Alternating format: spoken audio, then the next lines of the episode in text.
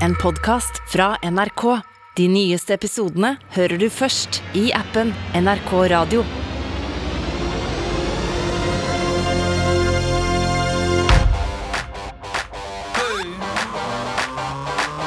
Popkorn og politikk.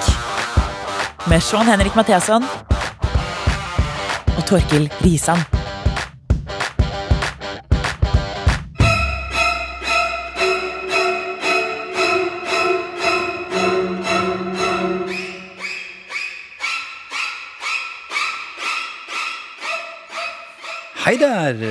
Kjære lytter. Eh, Velkommen til eh, Popkorn og politikk. Ja. Du hører musikken du er Hei der! på. Eh, Ja, ja, jo, jeg hører musikken altså, ikke helt, kanskje? Nei, jo, men jeg- Hører ikke du den skumle musikken sånn? Jo, jeg hører, vet du. Jo, jeg, hører, jeg hører den. Jeg bare tenkte uh, som en sånn motvekt til at Nei. dette her skal bli meget mørkt og grusomt i dag. Så Du tenkte jeg at det skal være sånn, hyggelig. du har sånn stemme at når den blir skummel, Ja. Så blir det dobbelt skummelt. Ah, ja. Ikke sant? Fordi du har litt for bra stemme, rett og slett. Få av den skumle musikken. okay, greit. Folk Greit, kjenner igjen Psycho. Prøvde meg. Psycho er riktig. Nå kunne det være hyggelig. Ok, fint. Eh, Det er ja, Psycho. Alfred Hitchcock 1960. Denne jeg vil, jeg vil ikke si banebrytende film, kanskje, men det var litt det. For det var jo, den var så skummel, den. Ingen tar deg på du kaller noe Hitchcock gjorde for banebrytende. Føl deg fri, slå deg løs. Den er grei. Okay, Ok, greit. Men det er jo om en eh, seriemorder der, Ja, ja. og det skal jo bli seriemorderprat i dag. Ja. Mye av det. Eh, Sean Henrik Matheson, Mm. hvis du skulle vært seriemorder, eh, hvordan hadde du gjort det? Hva hadde du gått for? Eh, jeg lurer på Altså ukjente folk, selvfølgelig, for da er det ingen som kan knytte meg til dem. Det er jo opplagt. Altså offer. Eh, offer, offer, eh, selvfølgelig. Ja. Eh, jeg ville brukt klær som jeg brant eh, etterpå. Eh, Det skjønner jeg ikke at ikke flere folk gjør når jeg ser seriemordere på, i TV-serier og filmer og sånn. Kanskje muligens brenne likene også, bare for å gjøre det enda Eller jeg veit da fader, for da blir det borte helt, liksom. Ja. Syrebad, men litt engstelig for å Det kan man sikkert brenne seg på og få utslett og, og sånne type ting. Kjøper ting til syrebad, så vil det ringes noen, i noen bjeller. Mm. Eh, Ja, å ja, ja. Altså, nok et syrebad til Bærum. Da tenker jeg eh, nå skal vi sjekke folk der. Ja, jeg skjønner litt uh, Så ellers så var det mye lurt du, du hadde tenkt ut der. Sånn uh, tilfeldige folk, sikkert lurt. Burde vel egentlig tatt syklister som sykler midt i veien, men de ville sykla fra meg, selvfølgelig, så, så der Selvfølgelig har, ja, ja. har du en beef med syklister. Midt i- veien. Det skjønner jeg jo. Sier seg jo. Ja. Eh, hva med deg, har du tenkt på hva slags eh, ja, seriemorder du ville vært? ja eh, jeg har eh, tenkt så vidt på det.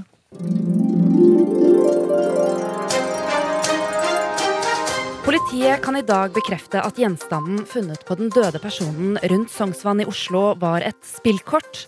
Spar 2.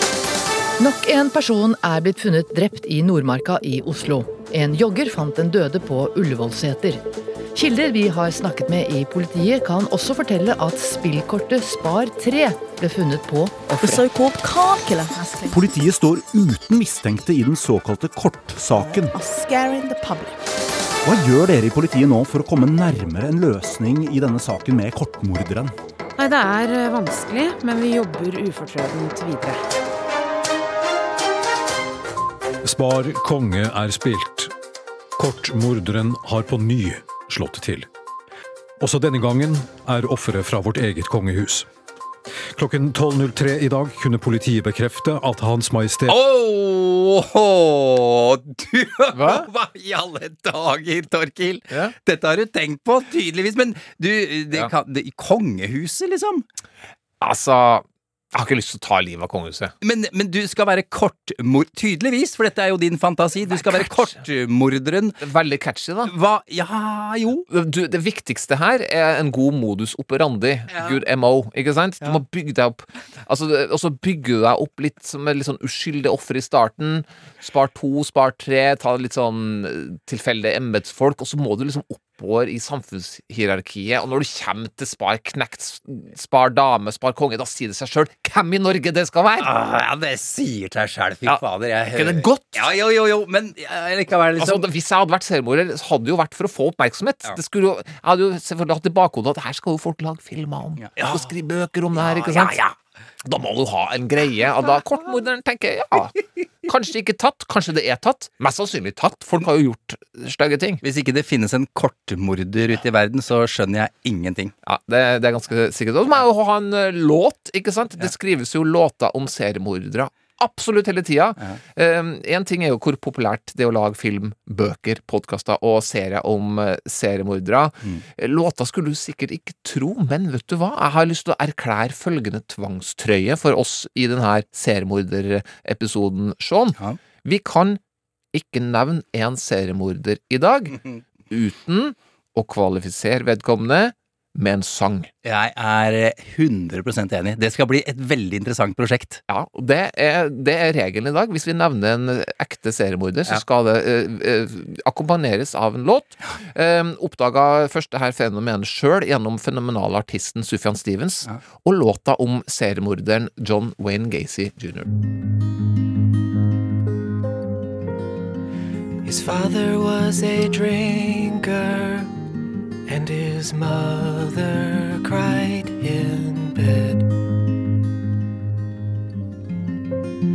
Folding John Wayne's t shirts when the swing set hit his head.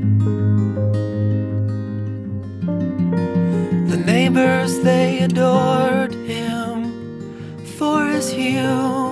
Her synger jo Sufjan Stevens mye av biografien om den ekte John Wayne Gacy jr. Det er litt sånn ubehagelig med så fin Ja, det er, det, men det er litt sånn typisk Sufjan Stevens, uh, føler jeg, å, å gjøre det. Men uh, du må jo nesten fortelle litt da om Ja. John Wayne Gacy, for det er en character. Ja, Han nevner jo faktisk allerede at han slo seg i hodet på Huska da han var liten. Ja. Eller dissa, som vi sier i Trøndelag.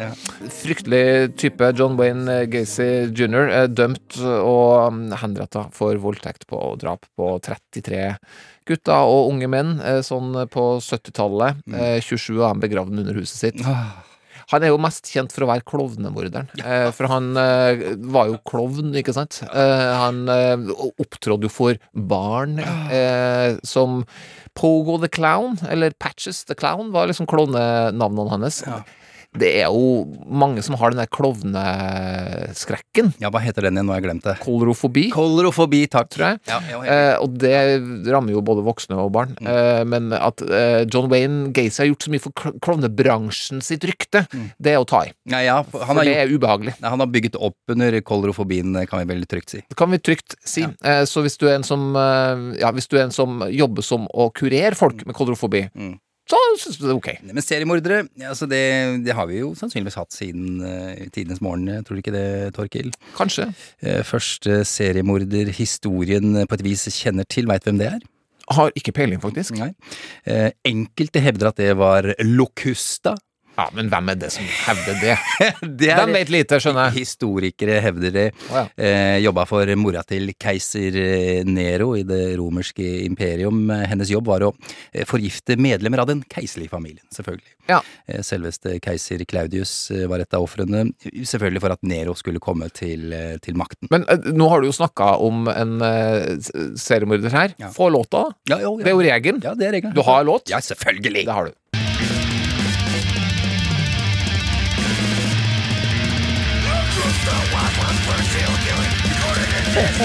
Ja, ok. Det var ikke Sufjan Stevens eh, det her, eller? Nei, det var ikke Dette her var makabre. Hva slags orkester er det? Ja, dette er jo hva Er det death metal? eh, Ja, det tror jeg det er. Det må være det, Ja. selvfølgelig. Eh, Makabre. Macabre eh, amerikansk eh, band som de lager forresten musikk Ja. om alle, alle seriemordere som fins. Det er en egen skive dedikert til Jeffrey Dahmer. Ja, ikke sant. Eh, vi skal jo snakke litt om eh, Jeffrey Dahmer i dag, men Makabria, det, det navnet går igjen når jeg har søkt på, eh, Ja. søkt på låter om artister. Det, så, det har gått igjen såpass mye at jeg ville ikke bruke dem, men det er fint vi fikk dem inn her. Vi fikk dem inn her. Ja. Andre mener at det er Jill de Rey. Som er den første. Som er den første seriemorderen. Helt riktig, Ja. Torkil. En krigshelt fra 1400-tallet som, som, som kjempet ved Jeanne d'Arcs side under hundreårskrigen mellom England og. Frankrike. Selveste, faktisk. Ja. Og det, skulle jo tro at det var mer enn nok for eh, historiebøkene, egentlig, men på fritida så, så drepte han flere enn 100 barn, eh, og det er i grunnen det Ja, jeg veit det. Helt ut som han fikk Du kan eh, ikke si, altså, kan ikke si det sånn På fritida drepte han eh, flere hundre barn og eh, Nei, kom igjen, da! Jo, men han fikk Si det men altså, du syns synd på de ungene. De hadde jo familie. På fritida så drepte han 100 barn. Fritid Du kan ikke bruke fritida Ja, men det var jo det han gjorde! Han var jo soldat profesjonelt, liksom! Så jeg, hva skal jeg si? Ja, det var jo det han holdt på med. Du har rett. Han fikk Du kan ikke si det på den Nei, jeg kan ikke si det på den måten. Oh. Han fikk tjenerskapet til å, til å hente inn eh, barn, og på den tida så var det sånn at barn ofte dro bort fra familien for å jobbe, da, som i tjenerskapet, så det, folk, foreldrene merka ikke at de ble, ble bort, borte, borte engang. Ok. Det er helt krise, Ja, nå liksom. fikk jeg nesten lyst til å flire, og det er jo ikke pent. Men du merka ikke at ungene var borte engang? det er fordi de, de visste Hvordan var det de holdt på på er, 1400-tallet? det er 1400-tallet, liksom. Det er jo medieval shit, liksom. Det er helt jævlig. Gilles de Rais. Gilles de Rais. Har du noe musikk på Gilles de Rais? But of course. Nei! Ok. Skal vi, Skal vi være mye i den sjangeren her i dag, eller? Jeg er redd for det. Hva er det for noe? Det er Celtic Frost fra Zürich i Sveits. eh. Celtic Frost? Er det noe handler det om fotballaget? Er det Celtic, er det Celtic Frost?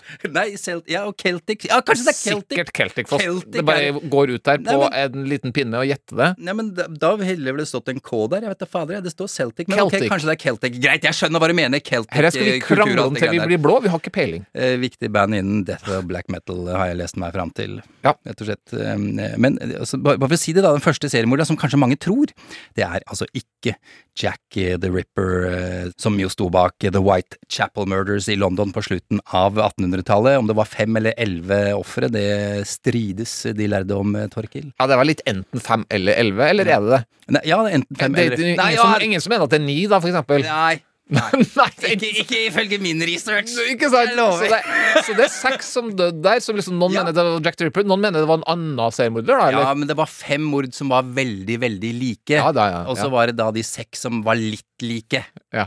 For okay. å si det sånn, da. Jeg skjønner. Og jeg er ikke noen ekspert, jeg bare Nei, men- googla, jeg. Nei, jeg- nei, jeg noterer meg jo det her. Jeg synes det er veldig interessant. Men eh, Jack the Ripper er jo selvfølgelig Han er jo øh, blitt en sånn nesten koselig skikkelse. Det her er jo bare sier jo noe om hvor makabert alt øh, hele den der oppmerksomheten rundt seriemordere er. Fordi det er jo ikke koselig, Det er selvfølgelig, det han holder på med.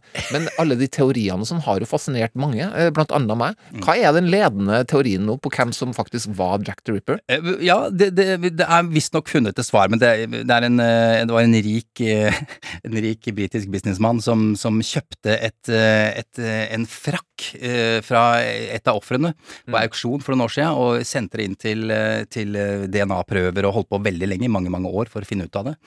Eh, Han mener at han har svaret. Det er ikke faren til sir Winston Churchill, som noen snakka om. Ja. Det er heller ikke prins Albert, barnebarnet til dronning Victoria.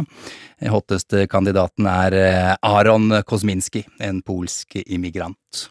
Ja, Si, si, ja, det er det han mener. Da. For det, det er en sånn type sånn sånn Nå har de endelig fått svaret. Sånn, det er sånn eh, NRK.no-sak uh, hvert sjuende år, cirka. Veldig, veldig. Så nå er Aron, da, stakkar, som uh, så, Men eh, låt på Jack the Ripper, der fins det jo Jeg vet jo om særlig Motorhead har jo en veldig kjent eh, Jack the Ripper-låt. Helt eh, riktig. Det er ufattelig mange Jack the Ripper-låter. Jeg har valgt et eh, lokalt eh, band, eh, Oslo-bandet Firebeats eh, Inc. En låt Firebeats Inc. Det var ukjent for meg. ja, det, Ingen har hørt om dette her. Jo, noen faktisk, eh, men dette er en låt fra 1966. Aha. Og deres eh, selvtitulerte debutalbum. Hør på det her, dette er ganske feit, skjønner du. Ja. Oi, litt skummelt.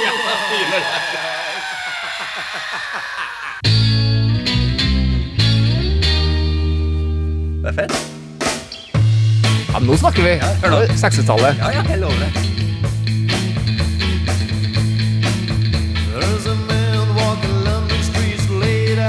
Hør nå. Jack the Ripper. Jack the Ripper. Den er feil! Du fikk den 60-tallsskruven med en gang, du, Torgeir. Ja, ja, fader, Popquiz. altså. Den var bra. Ja, dette går for å være faktisk eh, Eller originalutgivelsen eh, går for å være en av de mest sjeldne LP-platene som er å oppdrive i hele Norge. Ja, Det her syns jeg var Ja, ikke det artig? kuleste til nå. Eh, meget bra eh, gravd. Eh, og det er jo låttungt i dag. Kan du ikke eh, sette på en eh, passende plate eh, til oss? Jo. Ah, Talking Heads. Talking Heads. Psycho Killer, nice. Fordi den, vi syns jo sjøl at denne fascinasjonen for seriemordere er litt makaber. Kanskje mange av dere som hører på, som tenker det også. Så vi må gå litt vitenskapelig til verks, tenker jeg. Få inn en som virkelig kan svare på litt spørsmål rundt denne interessen som mange, inkludert meg sjøl, har. Vi må få inn sjølveste Pål Grøndal for å svare litt for oss. Nydelig! Enig? Ja. ja. I can't seem to face up to the facts. I'm tense and nervous and I can't lie.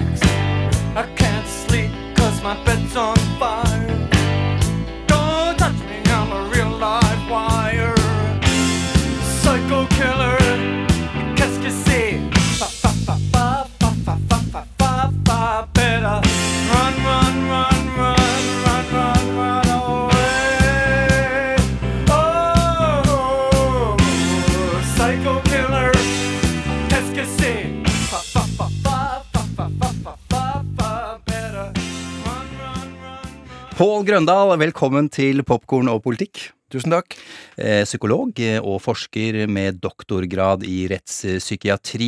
Jeg prøver meg her, Pål, for å si det veldig enkelt. Eh, Rettspsykiatere er de som kommer med innspill om hvorvidt en tiltalt er, er tilregnelig eller ikke. Altså om de er psykisk syke eller ikke. Er det innafor? Mm, Jeg liker ordet innspill. Ja. For det er mange som tror at vi som rettspsykiatere sakkyndige kommer inn i rettssalen og nærmest bestemmer for retten om, om folk er til stede med hensyn på tilregnet eller ikke. Det er jo ikke sant. Vi spiller inn våre vurderinger til retten, og så er det retten som beslutter. Sånn er det bare. Hørte du hvor god jeg var der, Ja, det var veldig viktig presisering. Ja, Der er vi. Vi er etterrettelige. Du, eh, Netflix-serien Dahmer, uh, Monster-historien om Jeffrey Dahmer, får masse oppmerksomhet uh, for tida. Handler om en av verdens mest kjente seriemordere, Jeffrey Dahmer, The Milwaukee Cannibal, som drept drepte 17 menn og gutter eh, mellom eh, 1978 og 1991. Og det tyder vel på at han hadde sex med likene, eh, og som kallenavnet tilsier, spist litt. Mm. Det er ekkelt. Eh, Det er ikke første gang en serie eller film har blitt laga om seriemordere eh, i det hele tatt. Det gjøres ofte. Eh, Pål, eh, hvorfor er vi så opptatt av eh, seriemordere? Ja, jeg, jeg sitter jo litt sånn i glasshus, for jeg har selv skrevet bok om drap. Så kan man jo lure på hvorfor sitter en person og er psykolog og skriver bok om drap. Eh, Sånn at jeg må jo liksom granske litt min egen sjel også. Det har ikke lykkes meg så veldig godt. Men eh, jeg tror at vi skal gå tilbake 2400 år til en filosof som het Aristoteles, som, som jeg syns har sagt noe av det mest fornuftige om det. Og han sa at eh, kanskje det dreier seg om at folk dro, da drar på teaterscener, og så ser de på tra tragedier og skuespill, og det skjer noe med mennesker, særlig knyttet til følelsene. Så han sa at det er kanskje en slags katarsis, altså en type renselse, ikke, ikke sånn moralsk at vi føler oss bedre, men at det rett og slett er den følelsen av lyst som oppstår i kroppen når vi blir oppskaket, opprørt, sinte, engasjerte, og så blir vi befridd for følelsene etterpå. Og så skjer det en sånn liten lyst og en renselse av det. Jeg syns ikke det er så veldig dumt at det i hvert fall han knytter opp mot følelsene våre. Men da, vi har sett noe som er så grusomt, og som vi bare kan forestille oss, og så, og så har vi på en måte vært med på å oppleve det på et vis ved å se på det på TV eller film eller teaterscene eller hva det er. Og så har vi liksom fått jobba det, i, i, og jobba det ut, på en måte. Ja, på en måte Ja. har vi jobba det litt ut av Ja. systemet, fordi Ja. vi har fått lov til å aktivere oss gjennom gys og grøsninger, og så blir det liksom en slags løsning, frigjøring, etterpå. Vi kan jo ta eh, utgangspunkt i denne serien, da, som eh, nummer én på Netflix, og dokumentaren eh, 'Samtaler med Dahmer' på nummer to. Så, så interessen er ganske svær i landet vårt. Vi kan høre et uh, lite klipp fra første episode her, hvor Evan Peters, som spiller Jeffrey Dahmer, har eh, vært på bar i Milwaukee, som han pleide å gjøre, visstnok. eh, Lurt med seg folk, tilbød 50 dollar for å få dem med hjem, så han skulle ta i gåseøyne bilde av dem. Eh, Det gjorde han vel også. Vi jo høre et eh, klipp av det. Here we are.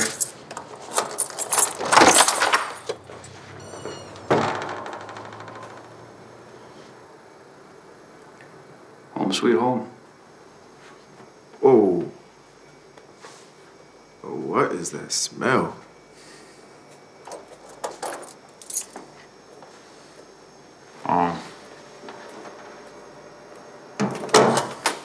Really like pork chops. And my family sent me a bunch of meat. But I forgot to plug that little freezer in. And it all went bad.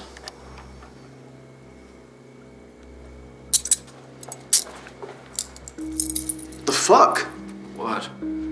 What are you doing? Nothing. It's for the photos. Stop! Where are you going? Stop trying to leave. Let go! Stop! Stop! Help! Hey, stop yelling! Stop it! Ah!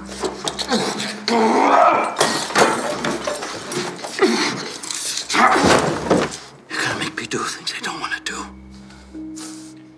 Ja, og det var omtrent her jeg eh, stoppa. Eh, Det var håndjern han fikk på seg her. Eh, Jeg følte et ansvar for å se, fordi vi skulle jo snakke om det. Mm. Eh, Så herfra og ut, nærmest, så, så, så spolte jeg sånn at du kunne se, jeg kunne se bildene gå i raskt av gårde, men jeg orka ikke se dette her, jeg. Altså, det var beskrivelsen av lukt. Eh, dette kan jo du alt om, eh, Torkel. Det med bildet, hvordan fargene i bildet Det var grått og jævlig Det var akkurat som jeg lukta det gjennom skjermen. Dødt kjøtt. Ja, jeg, jeg, jeg skjønner veldig godt eh, reaksjonen din, uh, Sean, men jeg er litt nysgjerrig på hva, hva du spesifikt fikk ut av uh, Damer, eh, Paul? Et ubehag. Ja, fy Et intenst ubehag. Og jeg lurte på Hvorfor klarer jeg nesten ikke å se på dette? Når jeg klarte jo egentlig å se på Nattsvermeren i 1992. Mm. Men dette her blir for uh, intenst grafsete i det mest jævlige et menneske kan finne på å gjøre. Utnytter andre mennesker som de var altså det er liksom Noen tar jo livet av en flue, og, og det er omtrent som han damer. Han, han, han enser jo ikke dette som et menneske, men som et objekt han bare bruker. Mm. Han er ikke interessert i denne fyren i det hele tatt. Bare som til sin egen forlystelse, nærmest. Han, han er helt uempatisk, og han, han som spiller Jeffrey her, er jo god. Ja, ja, altså, det er det som også treffer i magen. Ikke sant? Han er helt utrolig. Så det er denne intensiteten og ubehaget så, som gjør at dette blir for nært noe Mm. som jeg ikke liker. Jeg orker ikke. Det er for nært jobben min. Og, ja, men nettopp fordi du Dette skulle tro du har vært borti mye eh, guffende ting opp gjennom åra, Pål, med tanke på at du har vært rettspsykiater og, og slike ting. Det var ikke noe sånn profesjonelt som slo inn her, det var bare følelser. Nei, for dette er så Dette er vel så, så, så forfjernt fra Jeg holdt på å si det alminnelig trivielle drap, altså. Dette er så fjernt. Altså, dette, vi er liksom i ytterkantene av menneskets eh, måte å, å, å, å, te seg som, som, som knapt er menneskelig. Altså, det er noe dyrisk over det. Men eh, så, så har du jo det elementet med at det her eh, det er en veldig godt mottatt eh, serie. Jeg personlig syns den er skikkelig god. Jeg syns den er altfor lang. For den, den går for sakte. Den er for nær. Jeg syns vi har fjerna for mye av avstanden som jeg behøver for å virkelig leve meg inn i det. Men folk ser på det. Mm. Og den her, den er en stor suksess. Så til tross for det dere særlig beskriver, så lykkes den bedre. Hva, hvilke tanker får du av det faktumet, Pål Grundahl? Jeg, jeg vet egentlig ikke, men jeg vet jo at hvis vi går tilbake til disse følelsene som jeg er så veldig opptatt av, og det er jo rett og slett at vi, vi søker jo også veldig mye stimulans. Altså er det noe vi ikke egentlig liker som mennesker, det er å kjede oss. Hva er det omvendte av å kjede oss? Jo, det er å søke stimulans. Og disse seriene gir jo virkelig stimulans. De trykker på de riktige knappene. Dere sier jo begge to at her lukter det gammelt kjøtt, og du ser blodet, og det er grått og trist og jævlig overalt. Og dette stimulerer jo hele kroppen vår.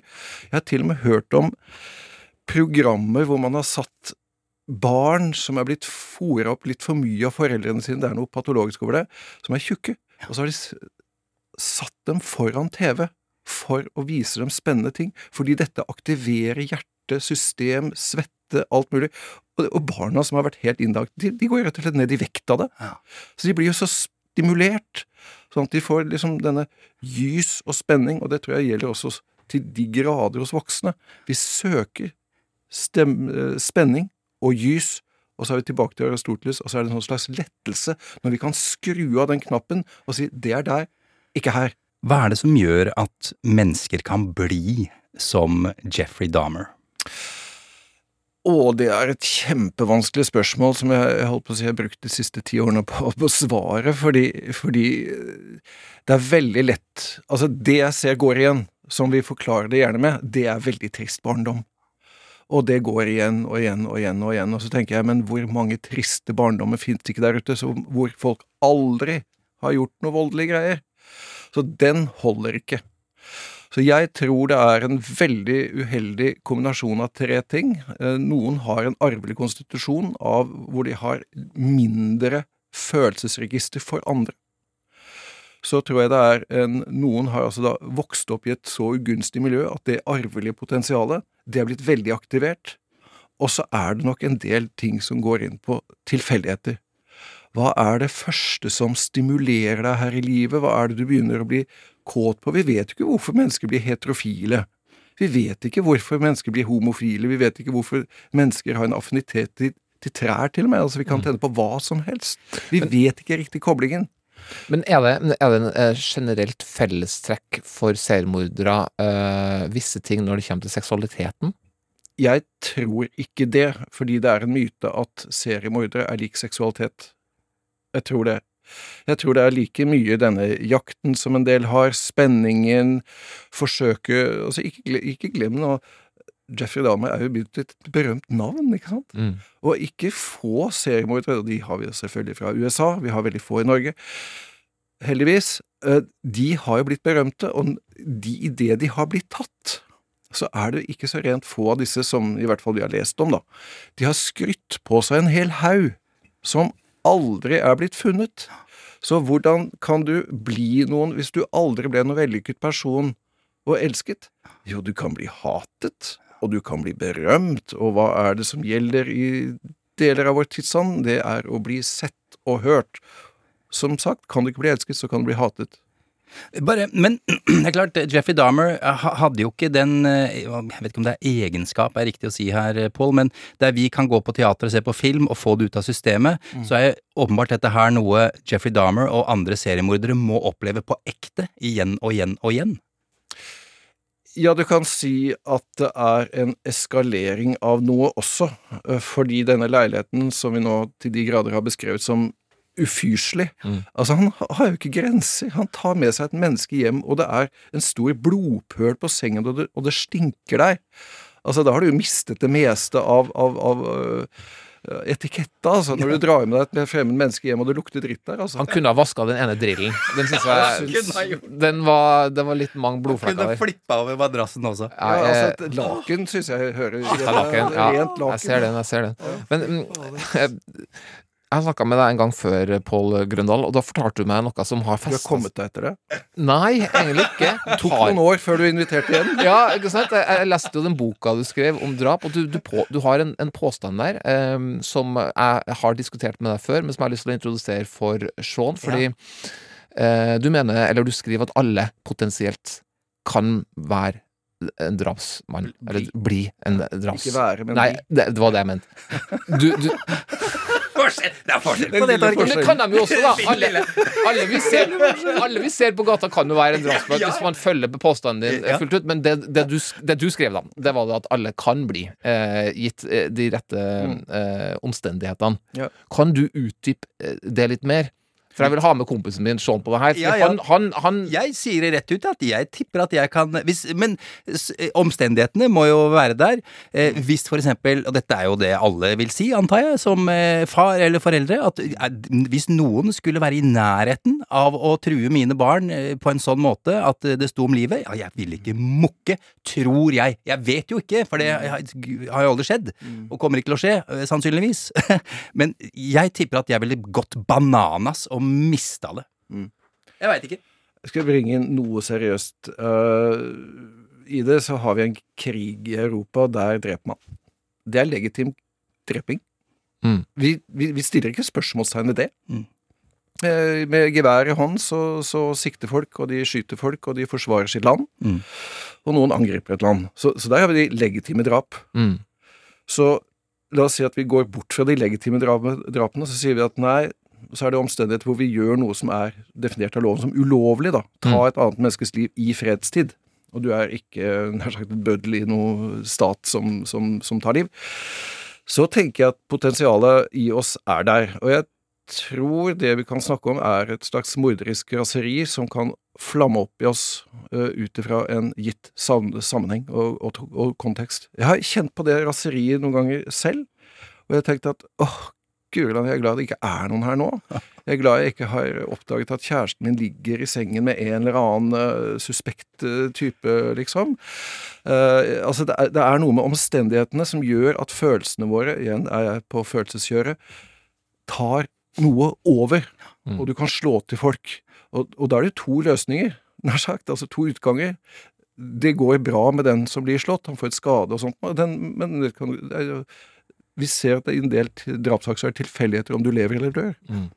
Så når du oppdager da, da noen som kødder med barna dine, mm. og du slår, mm. så, så, er det ikke meningen kanskje at du skal drepe, Nei. men å skade og, og immobilisere. Mm. Og så kan det hende at du blir tilfeldigvis en drapsperson. Jeg tror ikke du egentlig har det i deg at du vil drepe. Nei, men Der må jeg kaste Sean litt under bussen, fordi han snakka Det var kaldblodig Du, du, du, ja, men jeg du snakker bruk New York, så I'll fuck them up. I will fuck them up! Men nei, men Torkil, alvorlig talt, og, og til deg også, Pål nei, men Pål, kom igjen! Det var jo ikke sånn at hvis, noe, hvis, hvis, det er en voksen som er ufin mot unga mine, da snakker jeg om en situasjon der, de er, der noen kommer og skal skyte, stikke dem ned med en kniv. Det er, jo, det er jo sånne helt uh, ville uh, tanker jeg har da. Det er jo ikke sånn en, en, at noen liksom ikke er noe greie mot dem. Da ville jeg jo aldri finne på noe sånt. Men jeg bare jeg vet ikke, Er ikke det litt sånn vanlig? Du må jo tenke tenkt på det, Torkil? Nei, du, når du, når du liksom ligger og, og, og, ikke får sove, kanskje, og du går inn i mørket, og du får vonde, fæle tanker Da også. ligger Torkil og tenker på neste som trakasserer og gjør noe med barna mine. Det er liksom det han ja. gjør for å sovne om natten. Nei, nei, nei, overhodet ikke. Fordi jeg, jeg, jeg jeg har aldri klart å eh, skrive under på eh, påstanden din, uh, Pål. Det er vel kanskje derfor den har vært mm. med meg. Fordi jeg klarer ikke å, klarer ikke å finne Men altså, snak, du snakker jo mye om det, det blinde raseriet. Ja. Og ja, jeg har vært den gode raserifølelsen, jeg også. Ja. Og, og jeg er ikke noe fan av å være der. Selv om du liksom kjenner bare at bare brøl litt nå, det er akkurat det jeg trenger. Så, så, kanskje hvis vi følger den bare i eh, enda lenger, da, og blir enda sinnere men, men, jeg skulle bare for å få fullført det, så har jeg aldri tenkt at jeg kan ha noe som helst form for behov for hevn, i hvert fall. Som jeg følte var et sånn innslag i det du snakka om, Sean. Jeg veit ikke. Ja. Men den raseri den raseritankegangen, der er jeg nok litt mer usikker, ja. Der tror jeg du har et bedre poeng. Ja, for det er det reaktive. Ja. Det skjer impulsivt. Mm. Der og da. Mm. Og hvor det er visse deler av uh, psyken din som overtar for fornuften. Mm. At jeg burde ikke. Men jeg blir så sint at jeg smeller til. Ja. Nå, nå, er det nok. Mm. Det, det, her, eh, Vi ser jo på dem sånn som for eksempel Jeffrey Dahmer som monster, og vi bruker jo det ordet ofte. Eh, allikevel så, så, så, får de jo mye oppmerksomhet, som du sier. De blir kjent, men de får jo også Det er jo en vanlig ting, det her frierbrevene som eh, folk som sitter i, i, i fengselet Og eh, de får fans, eller de får folk som liksom Denne personen kan jeg eh, kue eller et eller annet. Det, det her fenomenet vet jeg altså at du, at du kan litt om, Pål. Hva, hva, består det av? La meg først ta utgangspunkt i det ordet du bruker, monster. Mm. Det, det, har jeg tenkt ganske mye på, for det er en måte å, å, å tingliggjøre folk. Så jeg tenker at ja, også Jeffrey er et menneske. Men jeg er enig at han gjør monstrøse ting. Det er en dårligere tittel på serien. Jeffrey Dahmer Human. Uh, historien om Jeffrey Dahmer. Ja, da, har jo, da har jo tittelen liksom catcha hva jeg som psykolog sier, at man må gjøre, man må gjøre han om til et menneske først. Ja, du hadde blitt uh, nedstemt på det drodlemøtet i Netflix. Uh, ja, det hadde jeg vel, men så jobber jeg ikke der heller, da. Jeg har aldri blitt spurt heller, så det, sånn er det. Men uh, det fenomenet du snakker om, at en del blir veldig betatt av disse um, skal vi kalle det boogiemennene, de slemme, de med veldig lange dommer, alvorlige dommer, uh, sitter inne for drap, vold, voldtekt. Uh, det er faktisk et eget fenomen, det også, som heter hybristofili. Og det er rett og slett at, og det jeg har sett i litteraturen, er stort sett bare kvinner som, som, som på en måte tenner på menn som har ekstremt lange dommer, har dødsdommer, og sitter inne for drap, voldtekt osv. osv. Det er en sånn, og der har man forsøkt å spekulere, hva, hva kan det der være for noe? Noen teorier går på at det er en del kvinner dras mot sånne ekstreme alfahanner, som virkelig da er de som kan beskytte deg, som vil beskytte deg for enhver pris. De bare feier unna enhver motstand, og så tar vi livet av dem, og så er vi ferdig med det. Det er én teori. En annen teori er at enkelte kvinner, nå må vi ikke generalisere, i hvert fall ikke i vår tid, eh, vi må ikke generalisere, men det er noen få kvinner som, som ser ut til å ha et ekstremt omsorgsbehov, og ha en idé om bare de kommer og øser av sin ubegrensede kjærlighet, så vil de til slutt vinne disse mennene som egentlig er små gutter inni seg, på deres side. Vi, vi liksom hadde en teori om at det er kanskje Vi hører mest om kvinner fordi det er eh, mest menn i fengsel, eh, men at kanskje menn også kan ha de samme følelsene. Jeg veit ikke om du har, har noen tanker om det, på? Ja, og det irriterte meg da jeg fikk telefon eh, om jeg kunne være med her. Og så var det sånn, ja, hvorfor er det sånn at kvinner bla, bla, bla? Og så tenkte jeg, ja, og hvorfor kan det ikke være sånn at det finnes noen Altså, i Sverige så har vi noe som heter Arborga-saken. Eh, det var en kvinne som tok livet av, av eh, først mannen sin, det ble en frikjent form, men hun tok også livet av sin far via en annen. Eh, altså, det dryppet jo psykopati av dama. Hun har nå livstidsstraff i Sverige, og så tenker jeg Guri land, hvorfor hører vi ikke om det er en mann som har skrevet til henne for å liksom oppnå en relasjon? Det hører vi aldri om. Det irriterer meg. Det, altså, det, det, det er noe med at mannekjønnet i en del sammenhenger blir bare visket ut. Jeg leste en del av disse Anthony Beaver-krigshistoriebøkene, hvor, hvor, hvor han metodisk beskriver hvor mange kvinner som er voldtatt i Berlin av sovjetiske soldater. Ikke én historie om menn som er blitt voldtatt. Gutter som er voldtatt. Ikke én eneste gang. Så i noen sammenhenger så irriterer det meg over at menn blir liksom bare strøket helt av kartet, og så er det bare kvinner. Vi snakka jo litt om eh, seriemordere og litt sånn konvensjoner. Eh, har du noen favoritter sjøl? Du var jo inne på eh, eh, Hannibal eh, så vidt her. Eh, I popkulturen, eh, mener du, Takkel? Ja. eh, Popkultur er Popkultur, ja. viktig, Ja, ja. viktig presisering. Ja, ja, ja. Takk skal du ha for det. Ja, Ja, Eh, man kan, man kan Takk jo for at du slår meg. I morbide lag så kan man jo diskutere Ja. favorittseriemordere, ja. men eh, nei. Hva er din favorittseriemorder på eh, ja, skjermen? Hannibal Lecter. Hvorfor det? Fordi han Altså, for, altså bare ta, ta med en gang altså, Noen har oppfattet han som psyk psy- psykotisk. Nei, han er ikke psykotisk, bare for å ta det Det ligner bare på det andre ordet, psykopat. Altså, jeg tenker på, er Hannibal Lecter psykopat? Og så er det den Det jeg liker ved ham, er tvetydigheten. Det får vi ikke noe helt klart svar på. Jo, han er instrumentell, han tar livet av de han ikke liker, han har noen traumer som muligens gjør at han spiser opp deler av disse ofrene, men han har også en menneskelighet ved at han tilknytter seg til andre. Mm. Han knytter seg til denne agenten Clarice Starling, som han liker veldig godt, men han må liksom være disse henne ganske kraftig før hun beviser at han, hun er på hans nivå. Hun skjønner ham, han skjønner henne. La meg analysere deg, så skal jeg hjelpe deg. Det er nydelig. Good morning. Dr. Lecter, my name is Clarice Starling. May I speak with you? You're one of Jack Crawford's, aren't you? I am, yes. May I see your credentials? Certainly. Closer, please.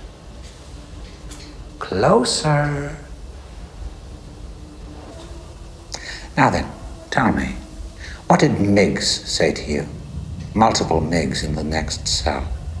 He hissed at you. What did he say? He said, I can smell your cunt. I see. I myself cannot.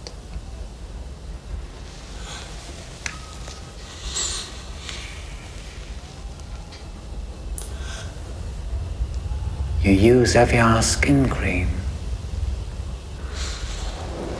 And sometimes you wear lead at home. But not today. Han prøver jo å finne en, eh, en på sitt nivå, en som han kan snakke med og opprette en slags forbindelse til. Så ja. Jeg lurer på om, han, om det er det han gjør først. Mm. Og jeg tror han liker utseendet hennes, han liker liksom hele attityden hennes, og han liker at hun er sendt som en sånn slags eh, lavere etterforsker for liksom å nøytralisere ham. Men han må disse henne, bare ved at hun skal vise identifiseringsgreia, så må hun gå nærmere og nærmere det glassburet til det som de anser som en kannibalistisk morder, og det er han jo. Closer. Closer. Det er jo så godt. Altså, filmen fikk jo fem Oscar og var nominert til enda flere priser. Pål, vi ringer deg etterpå, bestiller dobbelttime, og så får vi gjort unna noe viktig arbeid, tror jeg, Torking. Nei, Jeg tror ikke du hører noe mer hva Pål Grøndahl har å si til meg. Tusen takk for besøket. Selv takk. Psycho killer, qu'est-ce que c'est?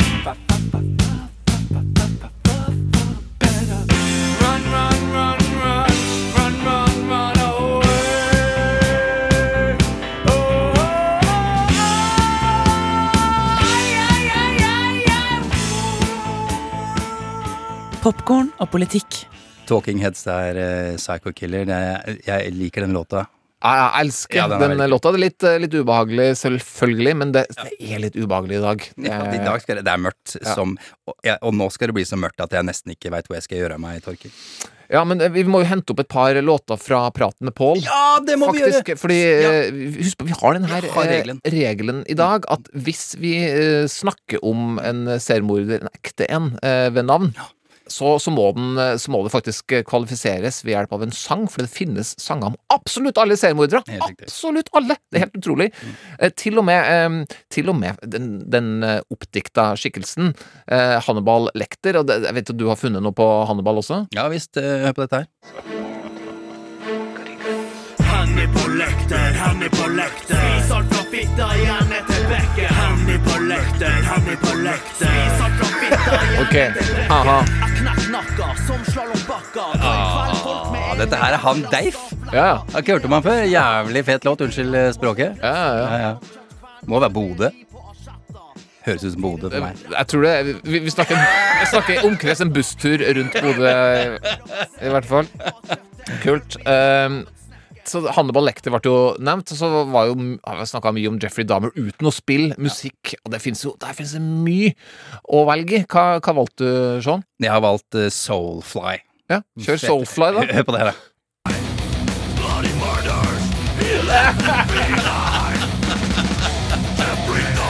Hva tror du, liksom? Jeffrey Dahmer! Selvfølgelig. Ja, du har 200 låter å velge, så du gikk jo for det hardeste du fant. Selvfølgelig. Ja, ja, ja. Skjønner. Ja, det, det er veldig bra. Åh, nei.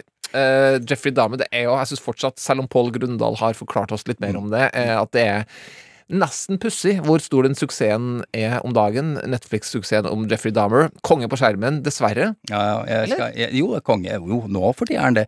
Jeg skal ikke se noe mer av den. Jeg bare sier det med en gang. Jeg er ferdig med den. En som har eh, lenge eh, regjert sånn eh, på internett, er Israel Keys. Ja, der kommer han der Ja, nå, grusomme. nå må vi faktisk snakke litt om en av de mest ubehagelige, ikke så kjent, men Israel Keys.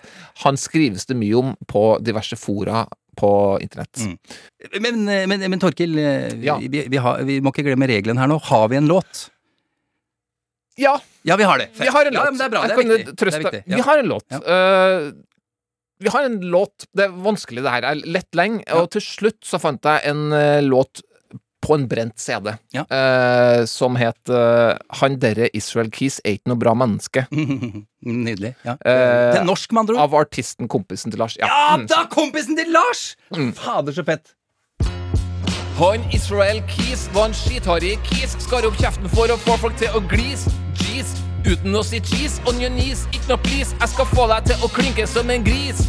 Reker rundt i hele landet, fyller bensin på ei kanne. Opp med Zippo, ned med zippen. Fortsett trippen, tygge piller, sutte øreflippen. Sprute til jeg kommer, og du får tørka gugga mi med håret ditt på lunsjlippen.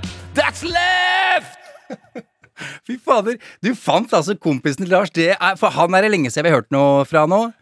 Aktiv i Trøndelag eh, for en Ja, Tiller særlig, da. Jeg tror Trondheim. ja. For en ti års tid siden. Mm. Fader, altså, jeg tipper at er en og annen eh, lytter som får tårer i øya nå, for det er lenge siden jeg har hørt eh, fra kompisen Lars. Vi får bare finne, finne ut dere googlere, du som eh, er mer nysgjerrig på, på kompisen til Lars.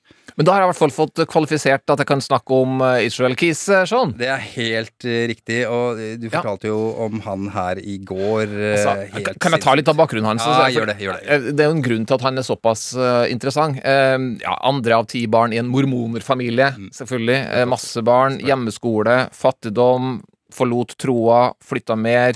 Så fattig at det var liksom ikke vann og strøm der. Slags Amish-samfunn. Eh, og så typ sånn, De måtte jakte for å skaffe seg middag. Eh, han ble glad i å jakte, den her eh, barnet. Uh, Drept dyr, plagdyr, sånne ting som får deg til å bli serial, da. Ja, tydeligvis. Tok avstand fra ja, alt av religion og foreldre. Hilst Satan velkommen. Mm. Ikke bra. Liten tur innom det amerikanske militæret. Viste seg også, ofte kanskje ikke å være så bra. Eh, og også en veldig ting eh, som, som jeg merka meg, at hvis du er fan av det absolutt elendige eh, rappduoen Insane Clown Posse, kjenner du til dem? Mm, ja, kanskje det ringer en lita bjelle. Jeg er ikke Dem sikker. kommer vi sikkert tilbake til på et senere tidspunkt. Ja. Dårlig rapp, det kan du få billig av meg. Eh, Men den- denne fyren var generelt fan av dårlige ting. Han elska jo Ted Bundy, Ah. Israel Keys, og kopierte noen av greiene til Ted Bundy. Må jo da ikke forveksles med Al Bundy. That's very touching, honey. Now rub my feet. Sean. Hey, I wouldn't rub your feet if a genie popped out of it. Nei, nei, nei, nei, nei. If a Genie popped out of it, man! Sean. Det var ikke sterk humor. Ja, det er jo fader eller uh, Married with the Children, Al Bundy. Mannen mann som hater livet sitt Ja. intenst og gir uttrykk for det absolutt hele tida. Elsker den serien, jeg. Ja, ja, ja. Den var fin. Nei, det var snakk om Ted Bundy, ja. Ja, Ted Bundy. Takk for at du klarte opp det for oss på en vittig måte. Artig. Vær så god. Eh, ja, Ted Bundy, den her kjekke morderen, så kjekk at uh, Zac Efron måtte spille den. Å, men han er, ja, han er kjekk. Da snakker vi kjekk. Eh, og siden vi forplikter oss til å spille låter som refererer til alle seriemorderne vi nevner, så må vi jo spille et lite klipp av TI og Lil Wayne som rapper om ja, en av verdens mest kjente seriemordere, Ted Bundy.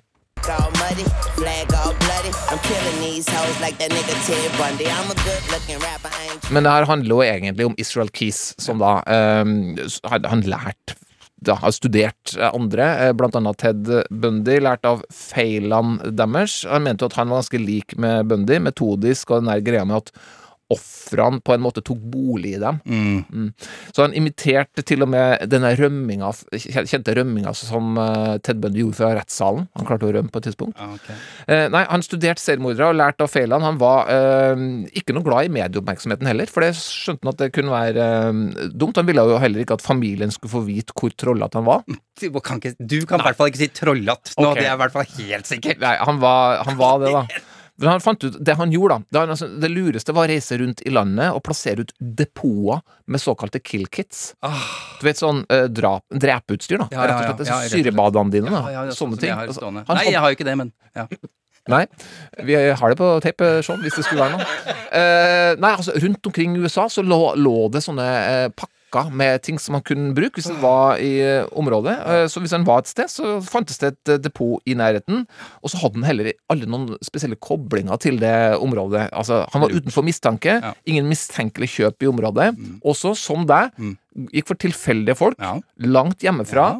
Ingen bånd til området. Aldri samme sted to ganger. Og betalte cash når han var der. Telefon av. Han hadde lest den derre boka Mindhunter, Inside the FBI's Elite Serial Crime Unit, som den serien er basert på. Ja, men hvis han hadde lest Mindhunter-boka um, Ja, og studert såpass hardt, da, hvordan ble han tatt da? Altså, han ble eh, tatt, og det var en av, av i en veldig grusom sak ja. om Samantha Koenig som ble kidnappet i Alaska. Det fins videoer av hun blir tatt der hun jobber, eh, ute på YouTube. Så han gjør eh, ting med hun, blant annet tar livet av henne, gjemmer henne. Så stikker han på to ukers cruise med familien i Mexicogolfen, som er mørkt å tenke på. Vender tilbake, men han skal jo han skal jo liksom bare late som at hun er kidnappa.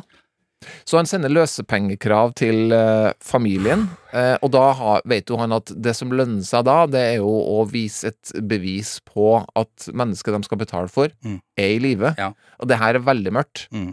Ja, altså her har jeg bare Hvis du som hører på nå har lyst til å google dette greiene her, eh, blir frista av det, så, så er det et bilde av denne kvinnen, eh, der hun jo er død med oppsydde øyne, og dette her er jævlige greier. Jeg blir helt, jeg ble helt dårlig av å se det bildet. Ja, det, altså, altså, De bildene ligger jo ute på internett, som Ja, ja. er litt sjukt å tenke på. Ja, det er ikke nødvendigvis bra. Nei, litt sånn naiviteten min slo inn her, og så Ja. sa jeg til deg, Torkil, at ja verden, hvorfor ligger Det kan ikke noen ta det bort, men det er jo internett, ikke sant? Der fins jo alt, men det Det er et ubehagelig bilde, men det altså, hun framstår da i live. Han mottar da løsepengene, 30 000 dollar, så, som blir satt inn på en konto som han begynner å ta ut penger fra. Og så på en av de så er det en video av en bil, en Ford Focus selvfølgelig, som han kjører rundt i. Så mm, de er på jakt etter det, og når da en Ford Focus blir tatt for en fartsoverskridelse, så ser politiet altså at der ligger det faktisk eh, noen mistenkelige seddelbunker med sånn blekk på. Ja, oh, ja. Som du har vært i bankransøyemed. Ja. med, eh, og så arresterer de ham, og det er først da de skjønner hvilket uhyre de faktisk har fanga. Og ja, eh, han, eh, han eh, tar sitt eget liv, eh, men ikke uten å, å etterlate noen beskjeder, eh, både ved hjelp av selvmordsbrev og noen ubehagelige tegninger i den fengselscella. Det her trenger du egentlig ikke å vite så mye mer om, men hvis du er interessert, så flommer internett over om informasjon om Israel Keys. Jeg vet ikke, jeg er sånn, er du fan av Israel? Nei, ikke i det hele tatt. Liker ikke Keys? Det er Nei, fader, altså. For en Det er vondt og ekkelt og jævlig. Ja. Nei, det er stort på internett, og det sier jo på en måte det også noe om både oss og, og samtida vår. Ja, at vi skal inn der, så, så du trenger ikke, du som hører på, å gå inn der i det hele tatt. Men takk, Torkil, en en annen som har blitt eh, inspirert av, av Mindhunter-boka, det er jo eh, filmregissør David Fincher. Ja, eh, han eh, har jo blitt såpass inspirert at han laga jo eh, serien Mindhunter. Men før det så starta han jo med å lage eh, film om eh, seriemordere. Eh, Seven, for eksempel. Skal vi høre et lite eh, utdrag fra filmen? Ja, vi gjør det. Dette er på tampen, men det er ingen eh, spoilers her. Men de står altså ute i, i ørkenen, og det, det, får- Ja, det- bare høre etter. Put the gun I saw you with the box. What was in the box? David. If you kill him, he will win. Hva er i boksen, er jo det store spørsmålet her. En pappeske ute i ørkenen. Ja, faktisk. Og det her mm. avdekka jo en litt sånn interessant eh, diskusjon mellom oss da vi diskuterte filmen Seven. For for meg så jeg, jeg husker ikke så mye av slutten. For meg så har han så, Det som sitter igjen, er liksom Brad Pitt og Morgan Freeman og Kevin Spacey og Gwyneth Paltrow. Var hun også med, ja? For jeg hadde glemt Det er Gwyneth Paltrow, jeg tror det. Jeg vet Ja. ikke! Jo, jo. Jeg, jeg hadde, men det hadde, det interessante er at jeg hadde glemt absolutt alt av hele filmen. Det gjorde ikke noe inntrykk på meg. Jeg hadde glemt at Brad Pitt og alle disse gutta og damene var med i den. Og det eneste jeg husker, er slutten, eh, og det som er oppi denne pappesken. Og jeg bare tenkte fy fader, selvfølgelig er det det. Åh, det var litt dårlig.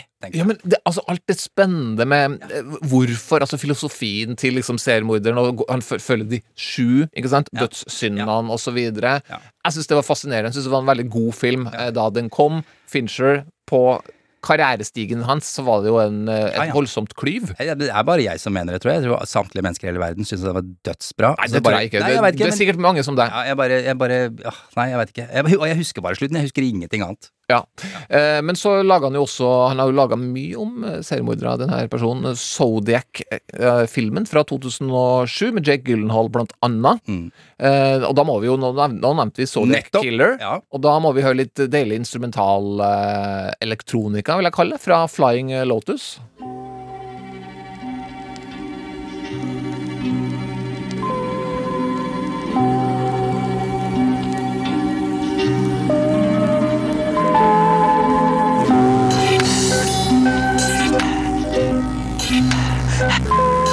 Det er altså da Zodiac Shit. ja, det er det låta heter. Ja, ja, Zodiac Shit.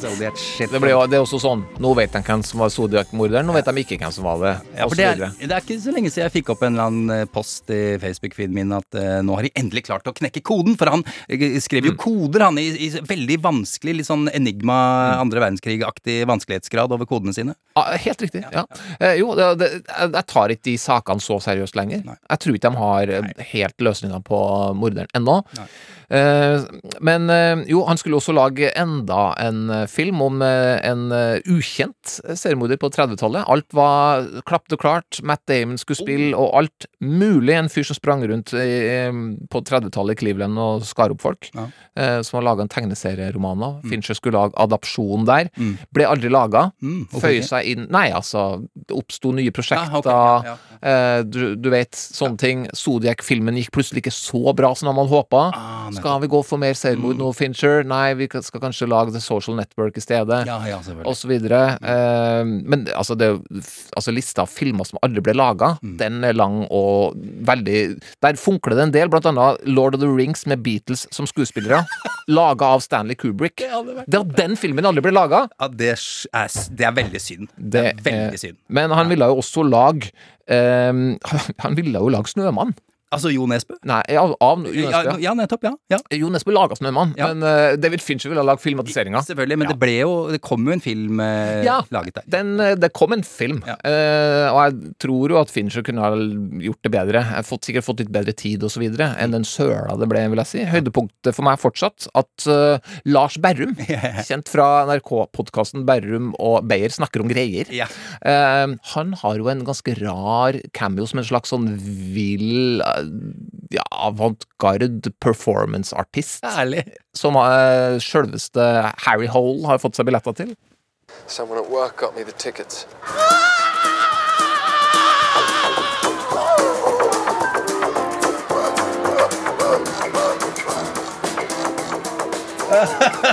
Jeg er jo stor fan av performancekunst, eh, og jeg ville likt det der, tror jeg. Jeg har ikke sett filmen. Nei.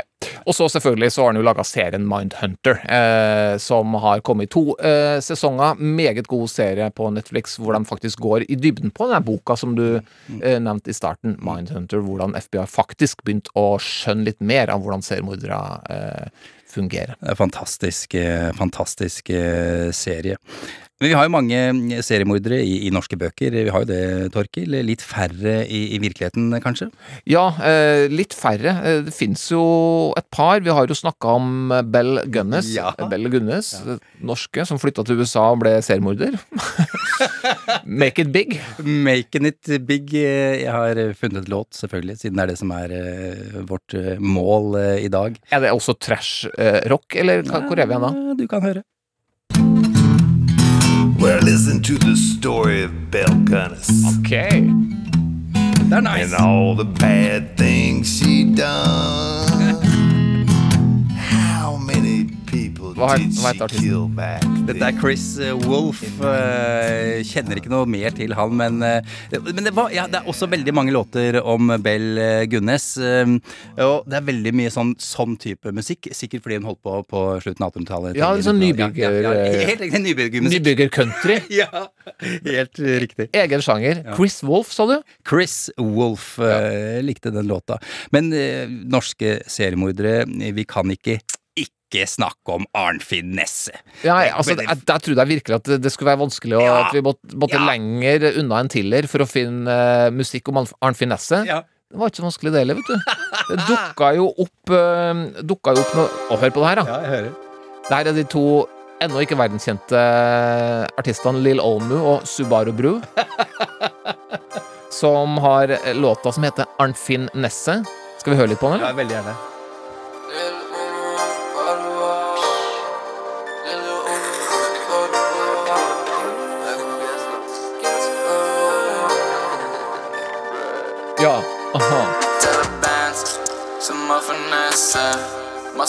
Det høres ut som en låt som ikke er kjempegammal, egentlig. Nei da, den er, ikke- den er ikke kjempegammel. Bare, bare hør på det her. Nå skal jeg til Orkdal, så. Hør nå.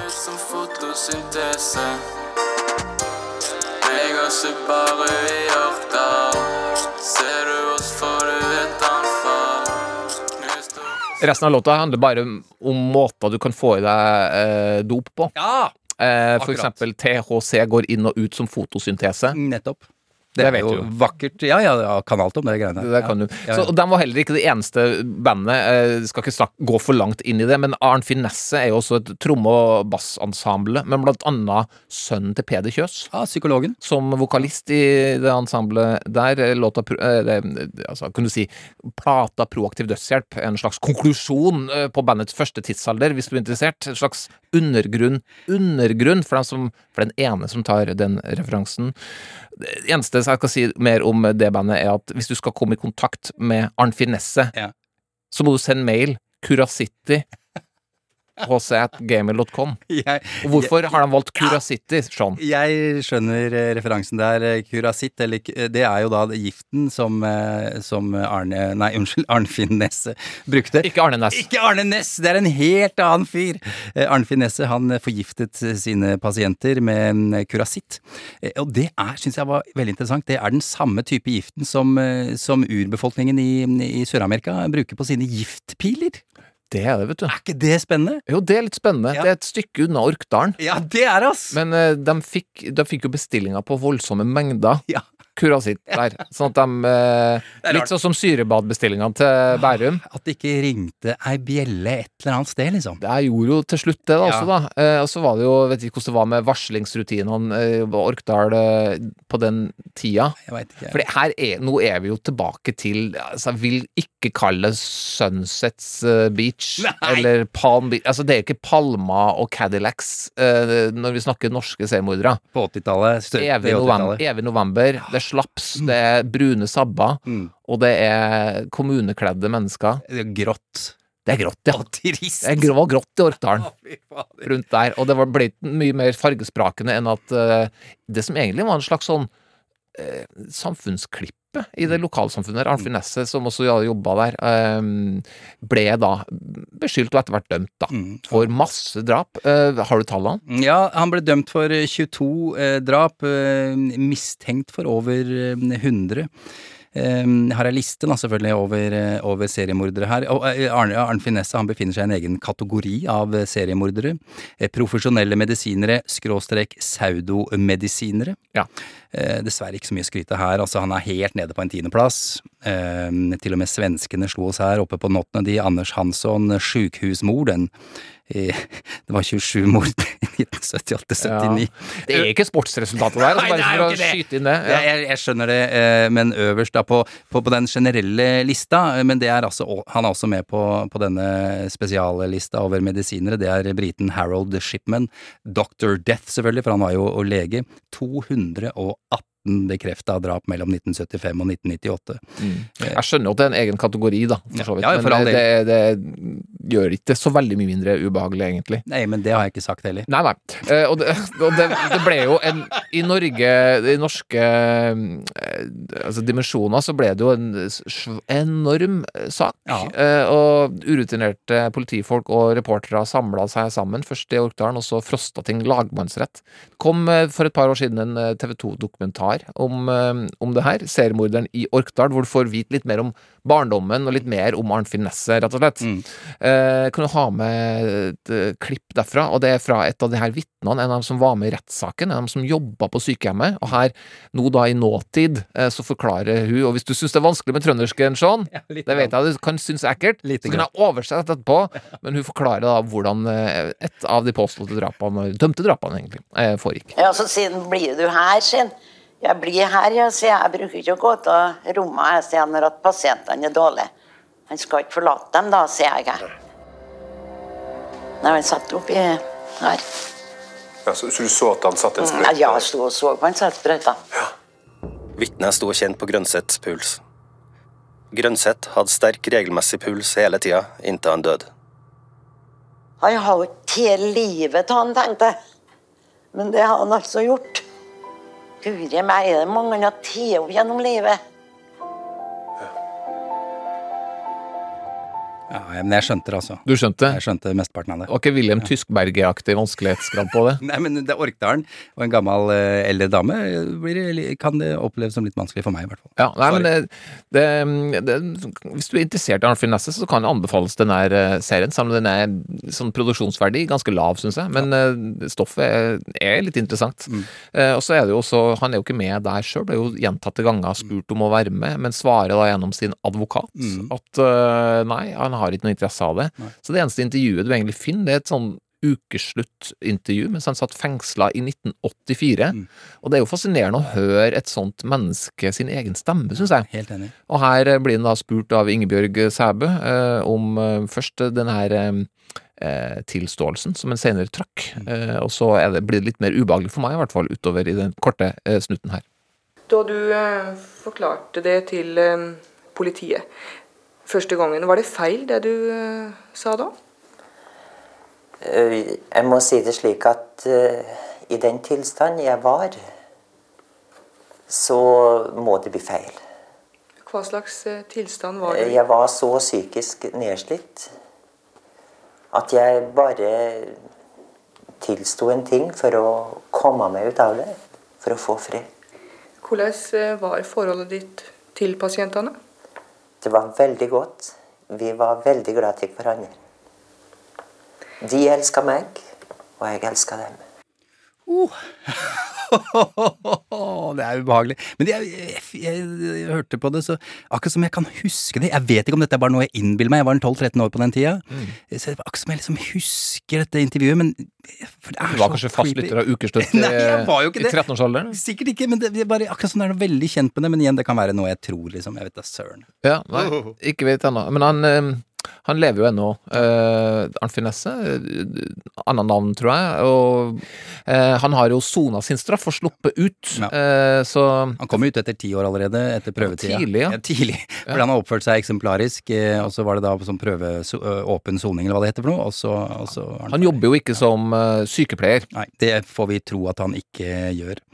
Eh, vel, Arnfinn, jeg regner med at du har fått med deg at du kan få en varsel på telefonen din når neste episode av Popkorn og politikk er ute. Det er en bra funksjon, da. Veldig, Jeg vet ikke om Arnfinn eh, likte det her såpass at han skal videre til neste, men uh, dere andre, det er en bra Få med dere den varselfunksjonen, altså. Den er, den er veldig fin, og, og igjen, Arnfinn, jeg vet du sitter og hører på.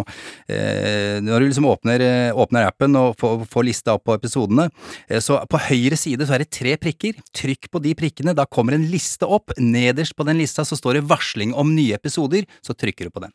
Kjemperyddig. Ja, takk for det, Sean Henrik Matheson. Nå syns jeg var god, faktisk. Ja, tusen takk. Ja, Setter pris på det, Torkil. Veldig glad for det. Uh, word of mouth. Ja. Eh, hva betyr det? Det betyr at du må fortelle alle vennene dine, det gjelder deg også, Arnfinn. Fortell alle vennene dine om oss. Unnskyld. Nok Arnfinn, eller? ja, nei, jeg skjønner hvor du vil hen. Eh, vi, eh, vi, vi prøver å opprette et lite slags hyggelig samfunn her, vi da. eh, eh, Sean og, community. og, og community. Altså, så liksom, hvis dere kan være vennlige og fortelle en venn, da, hvis du liker popkorn og politikk. Det er vel det du prøver å få til? Ja, det jeg gjør. Ja, eh, så, så, så gjør gjerne det. Eh, For, fortell om oss, og så ja, gir, du, gir du andre muligheten til å finne oss litt lettere. Vi høres eh, om ei uke. Ja. En podkast fra NRK. If we don't clean up these elections, we should be saying goodbye to the country. Hva har skjedd med det amerikanske demokratiet? The election obviously was not stolen. Climate change is real. We can't even agree on the facts anymore. Bli med meg, Tove Bjørgaas. Og meg, Camilla Bergland, ut på tur nå rett før mellomvalget. There's a lot of murders, shootings, drugs. Møt amerikanerne som står midt i stormen. Den amerikanske stormen hører du først i appen NRK Radio.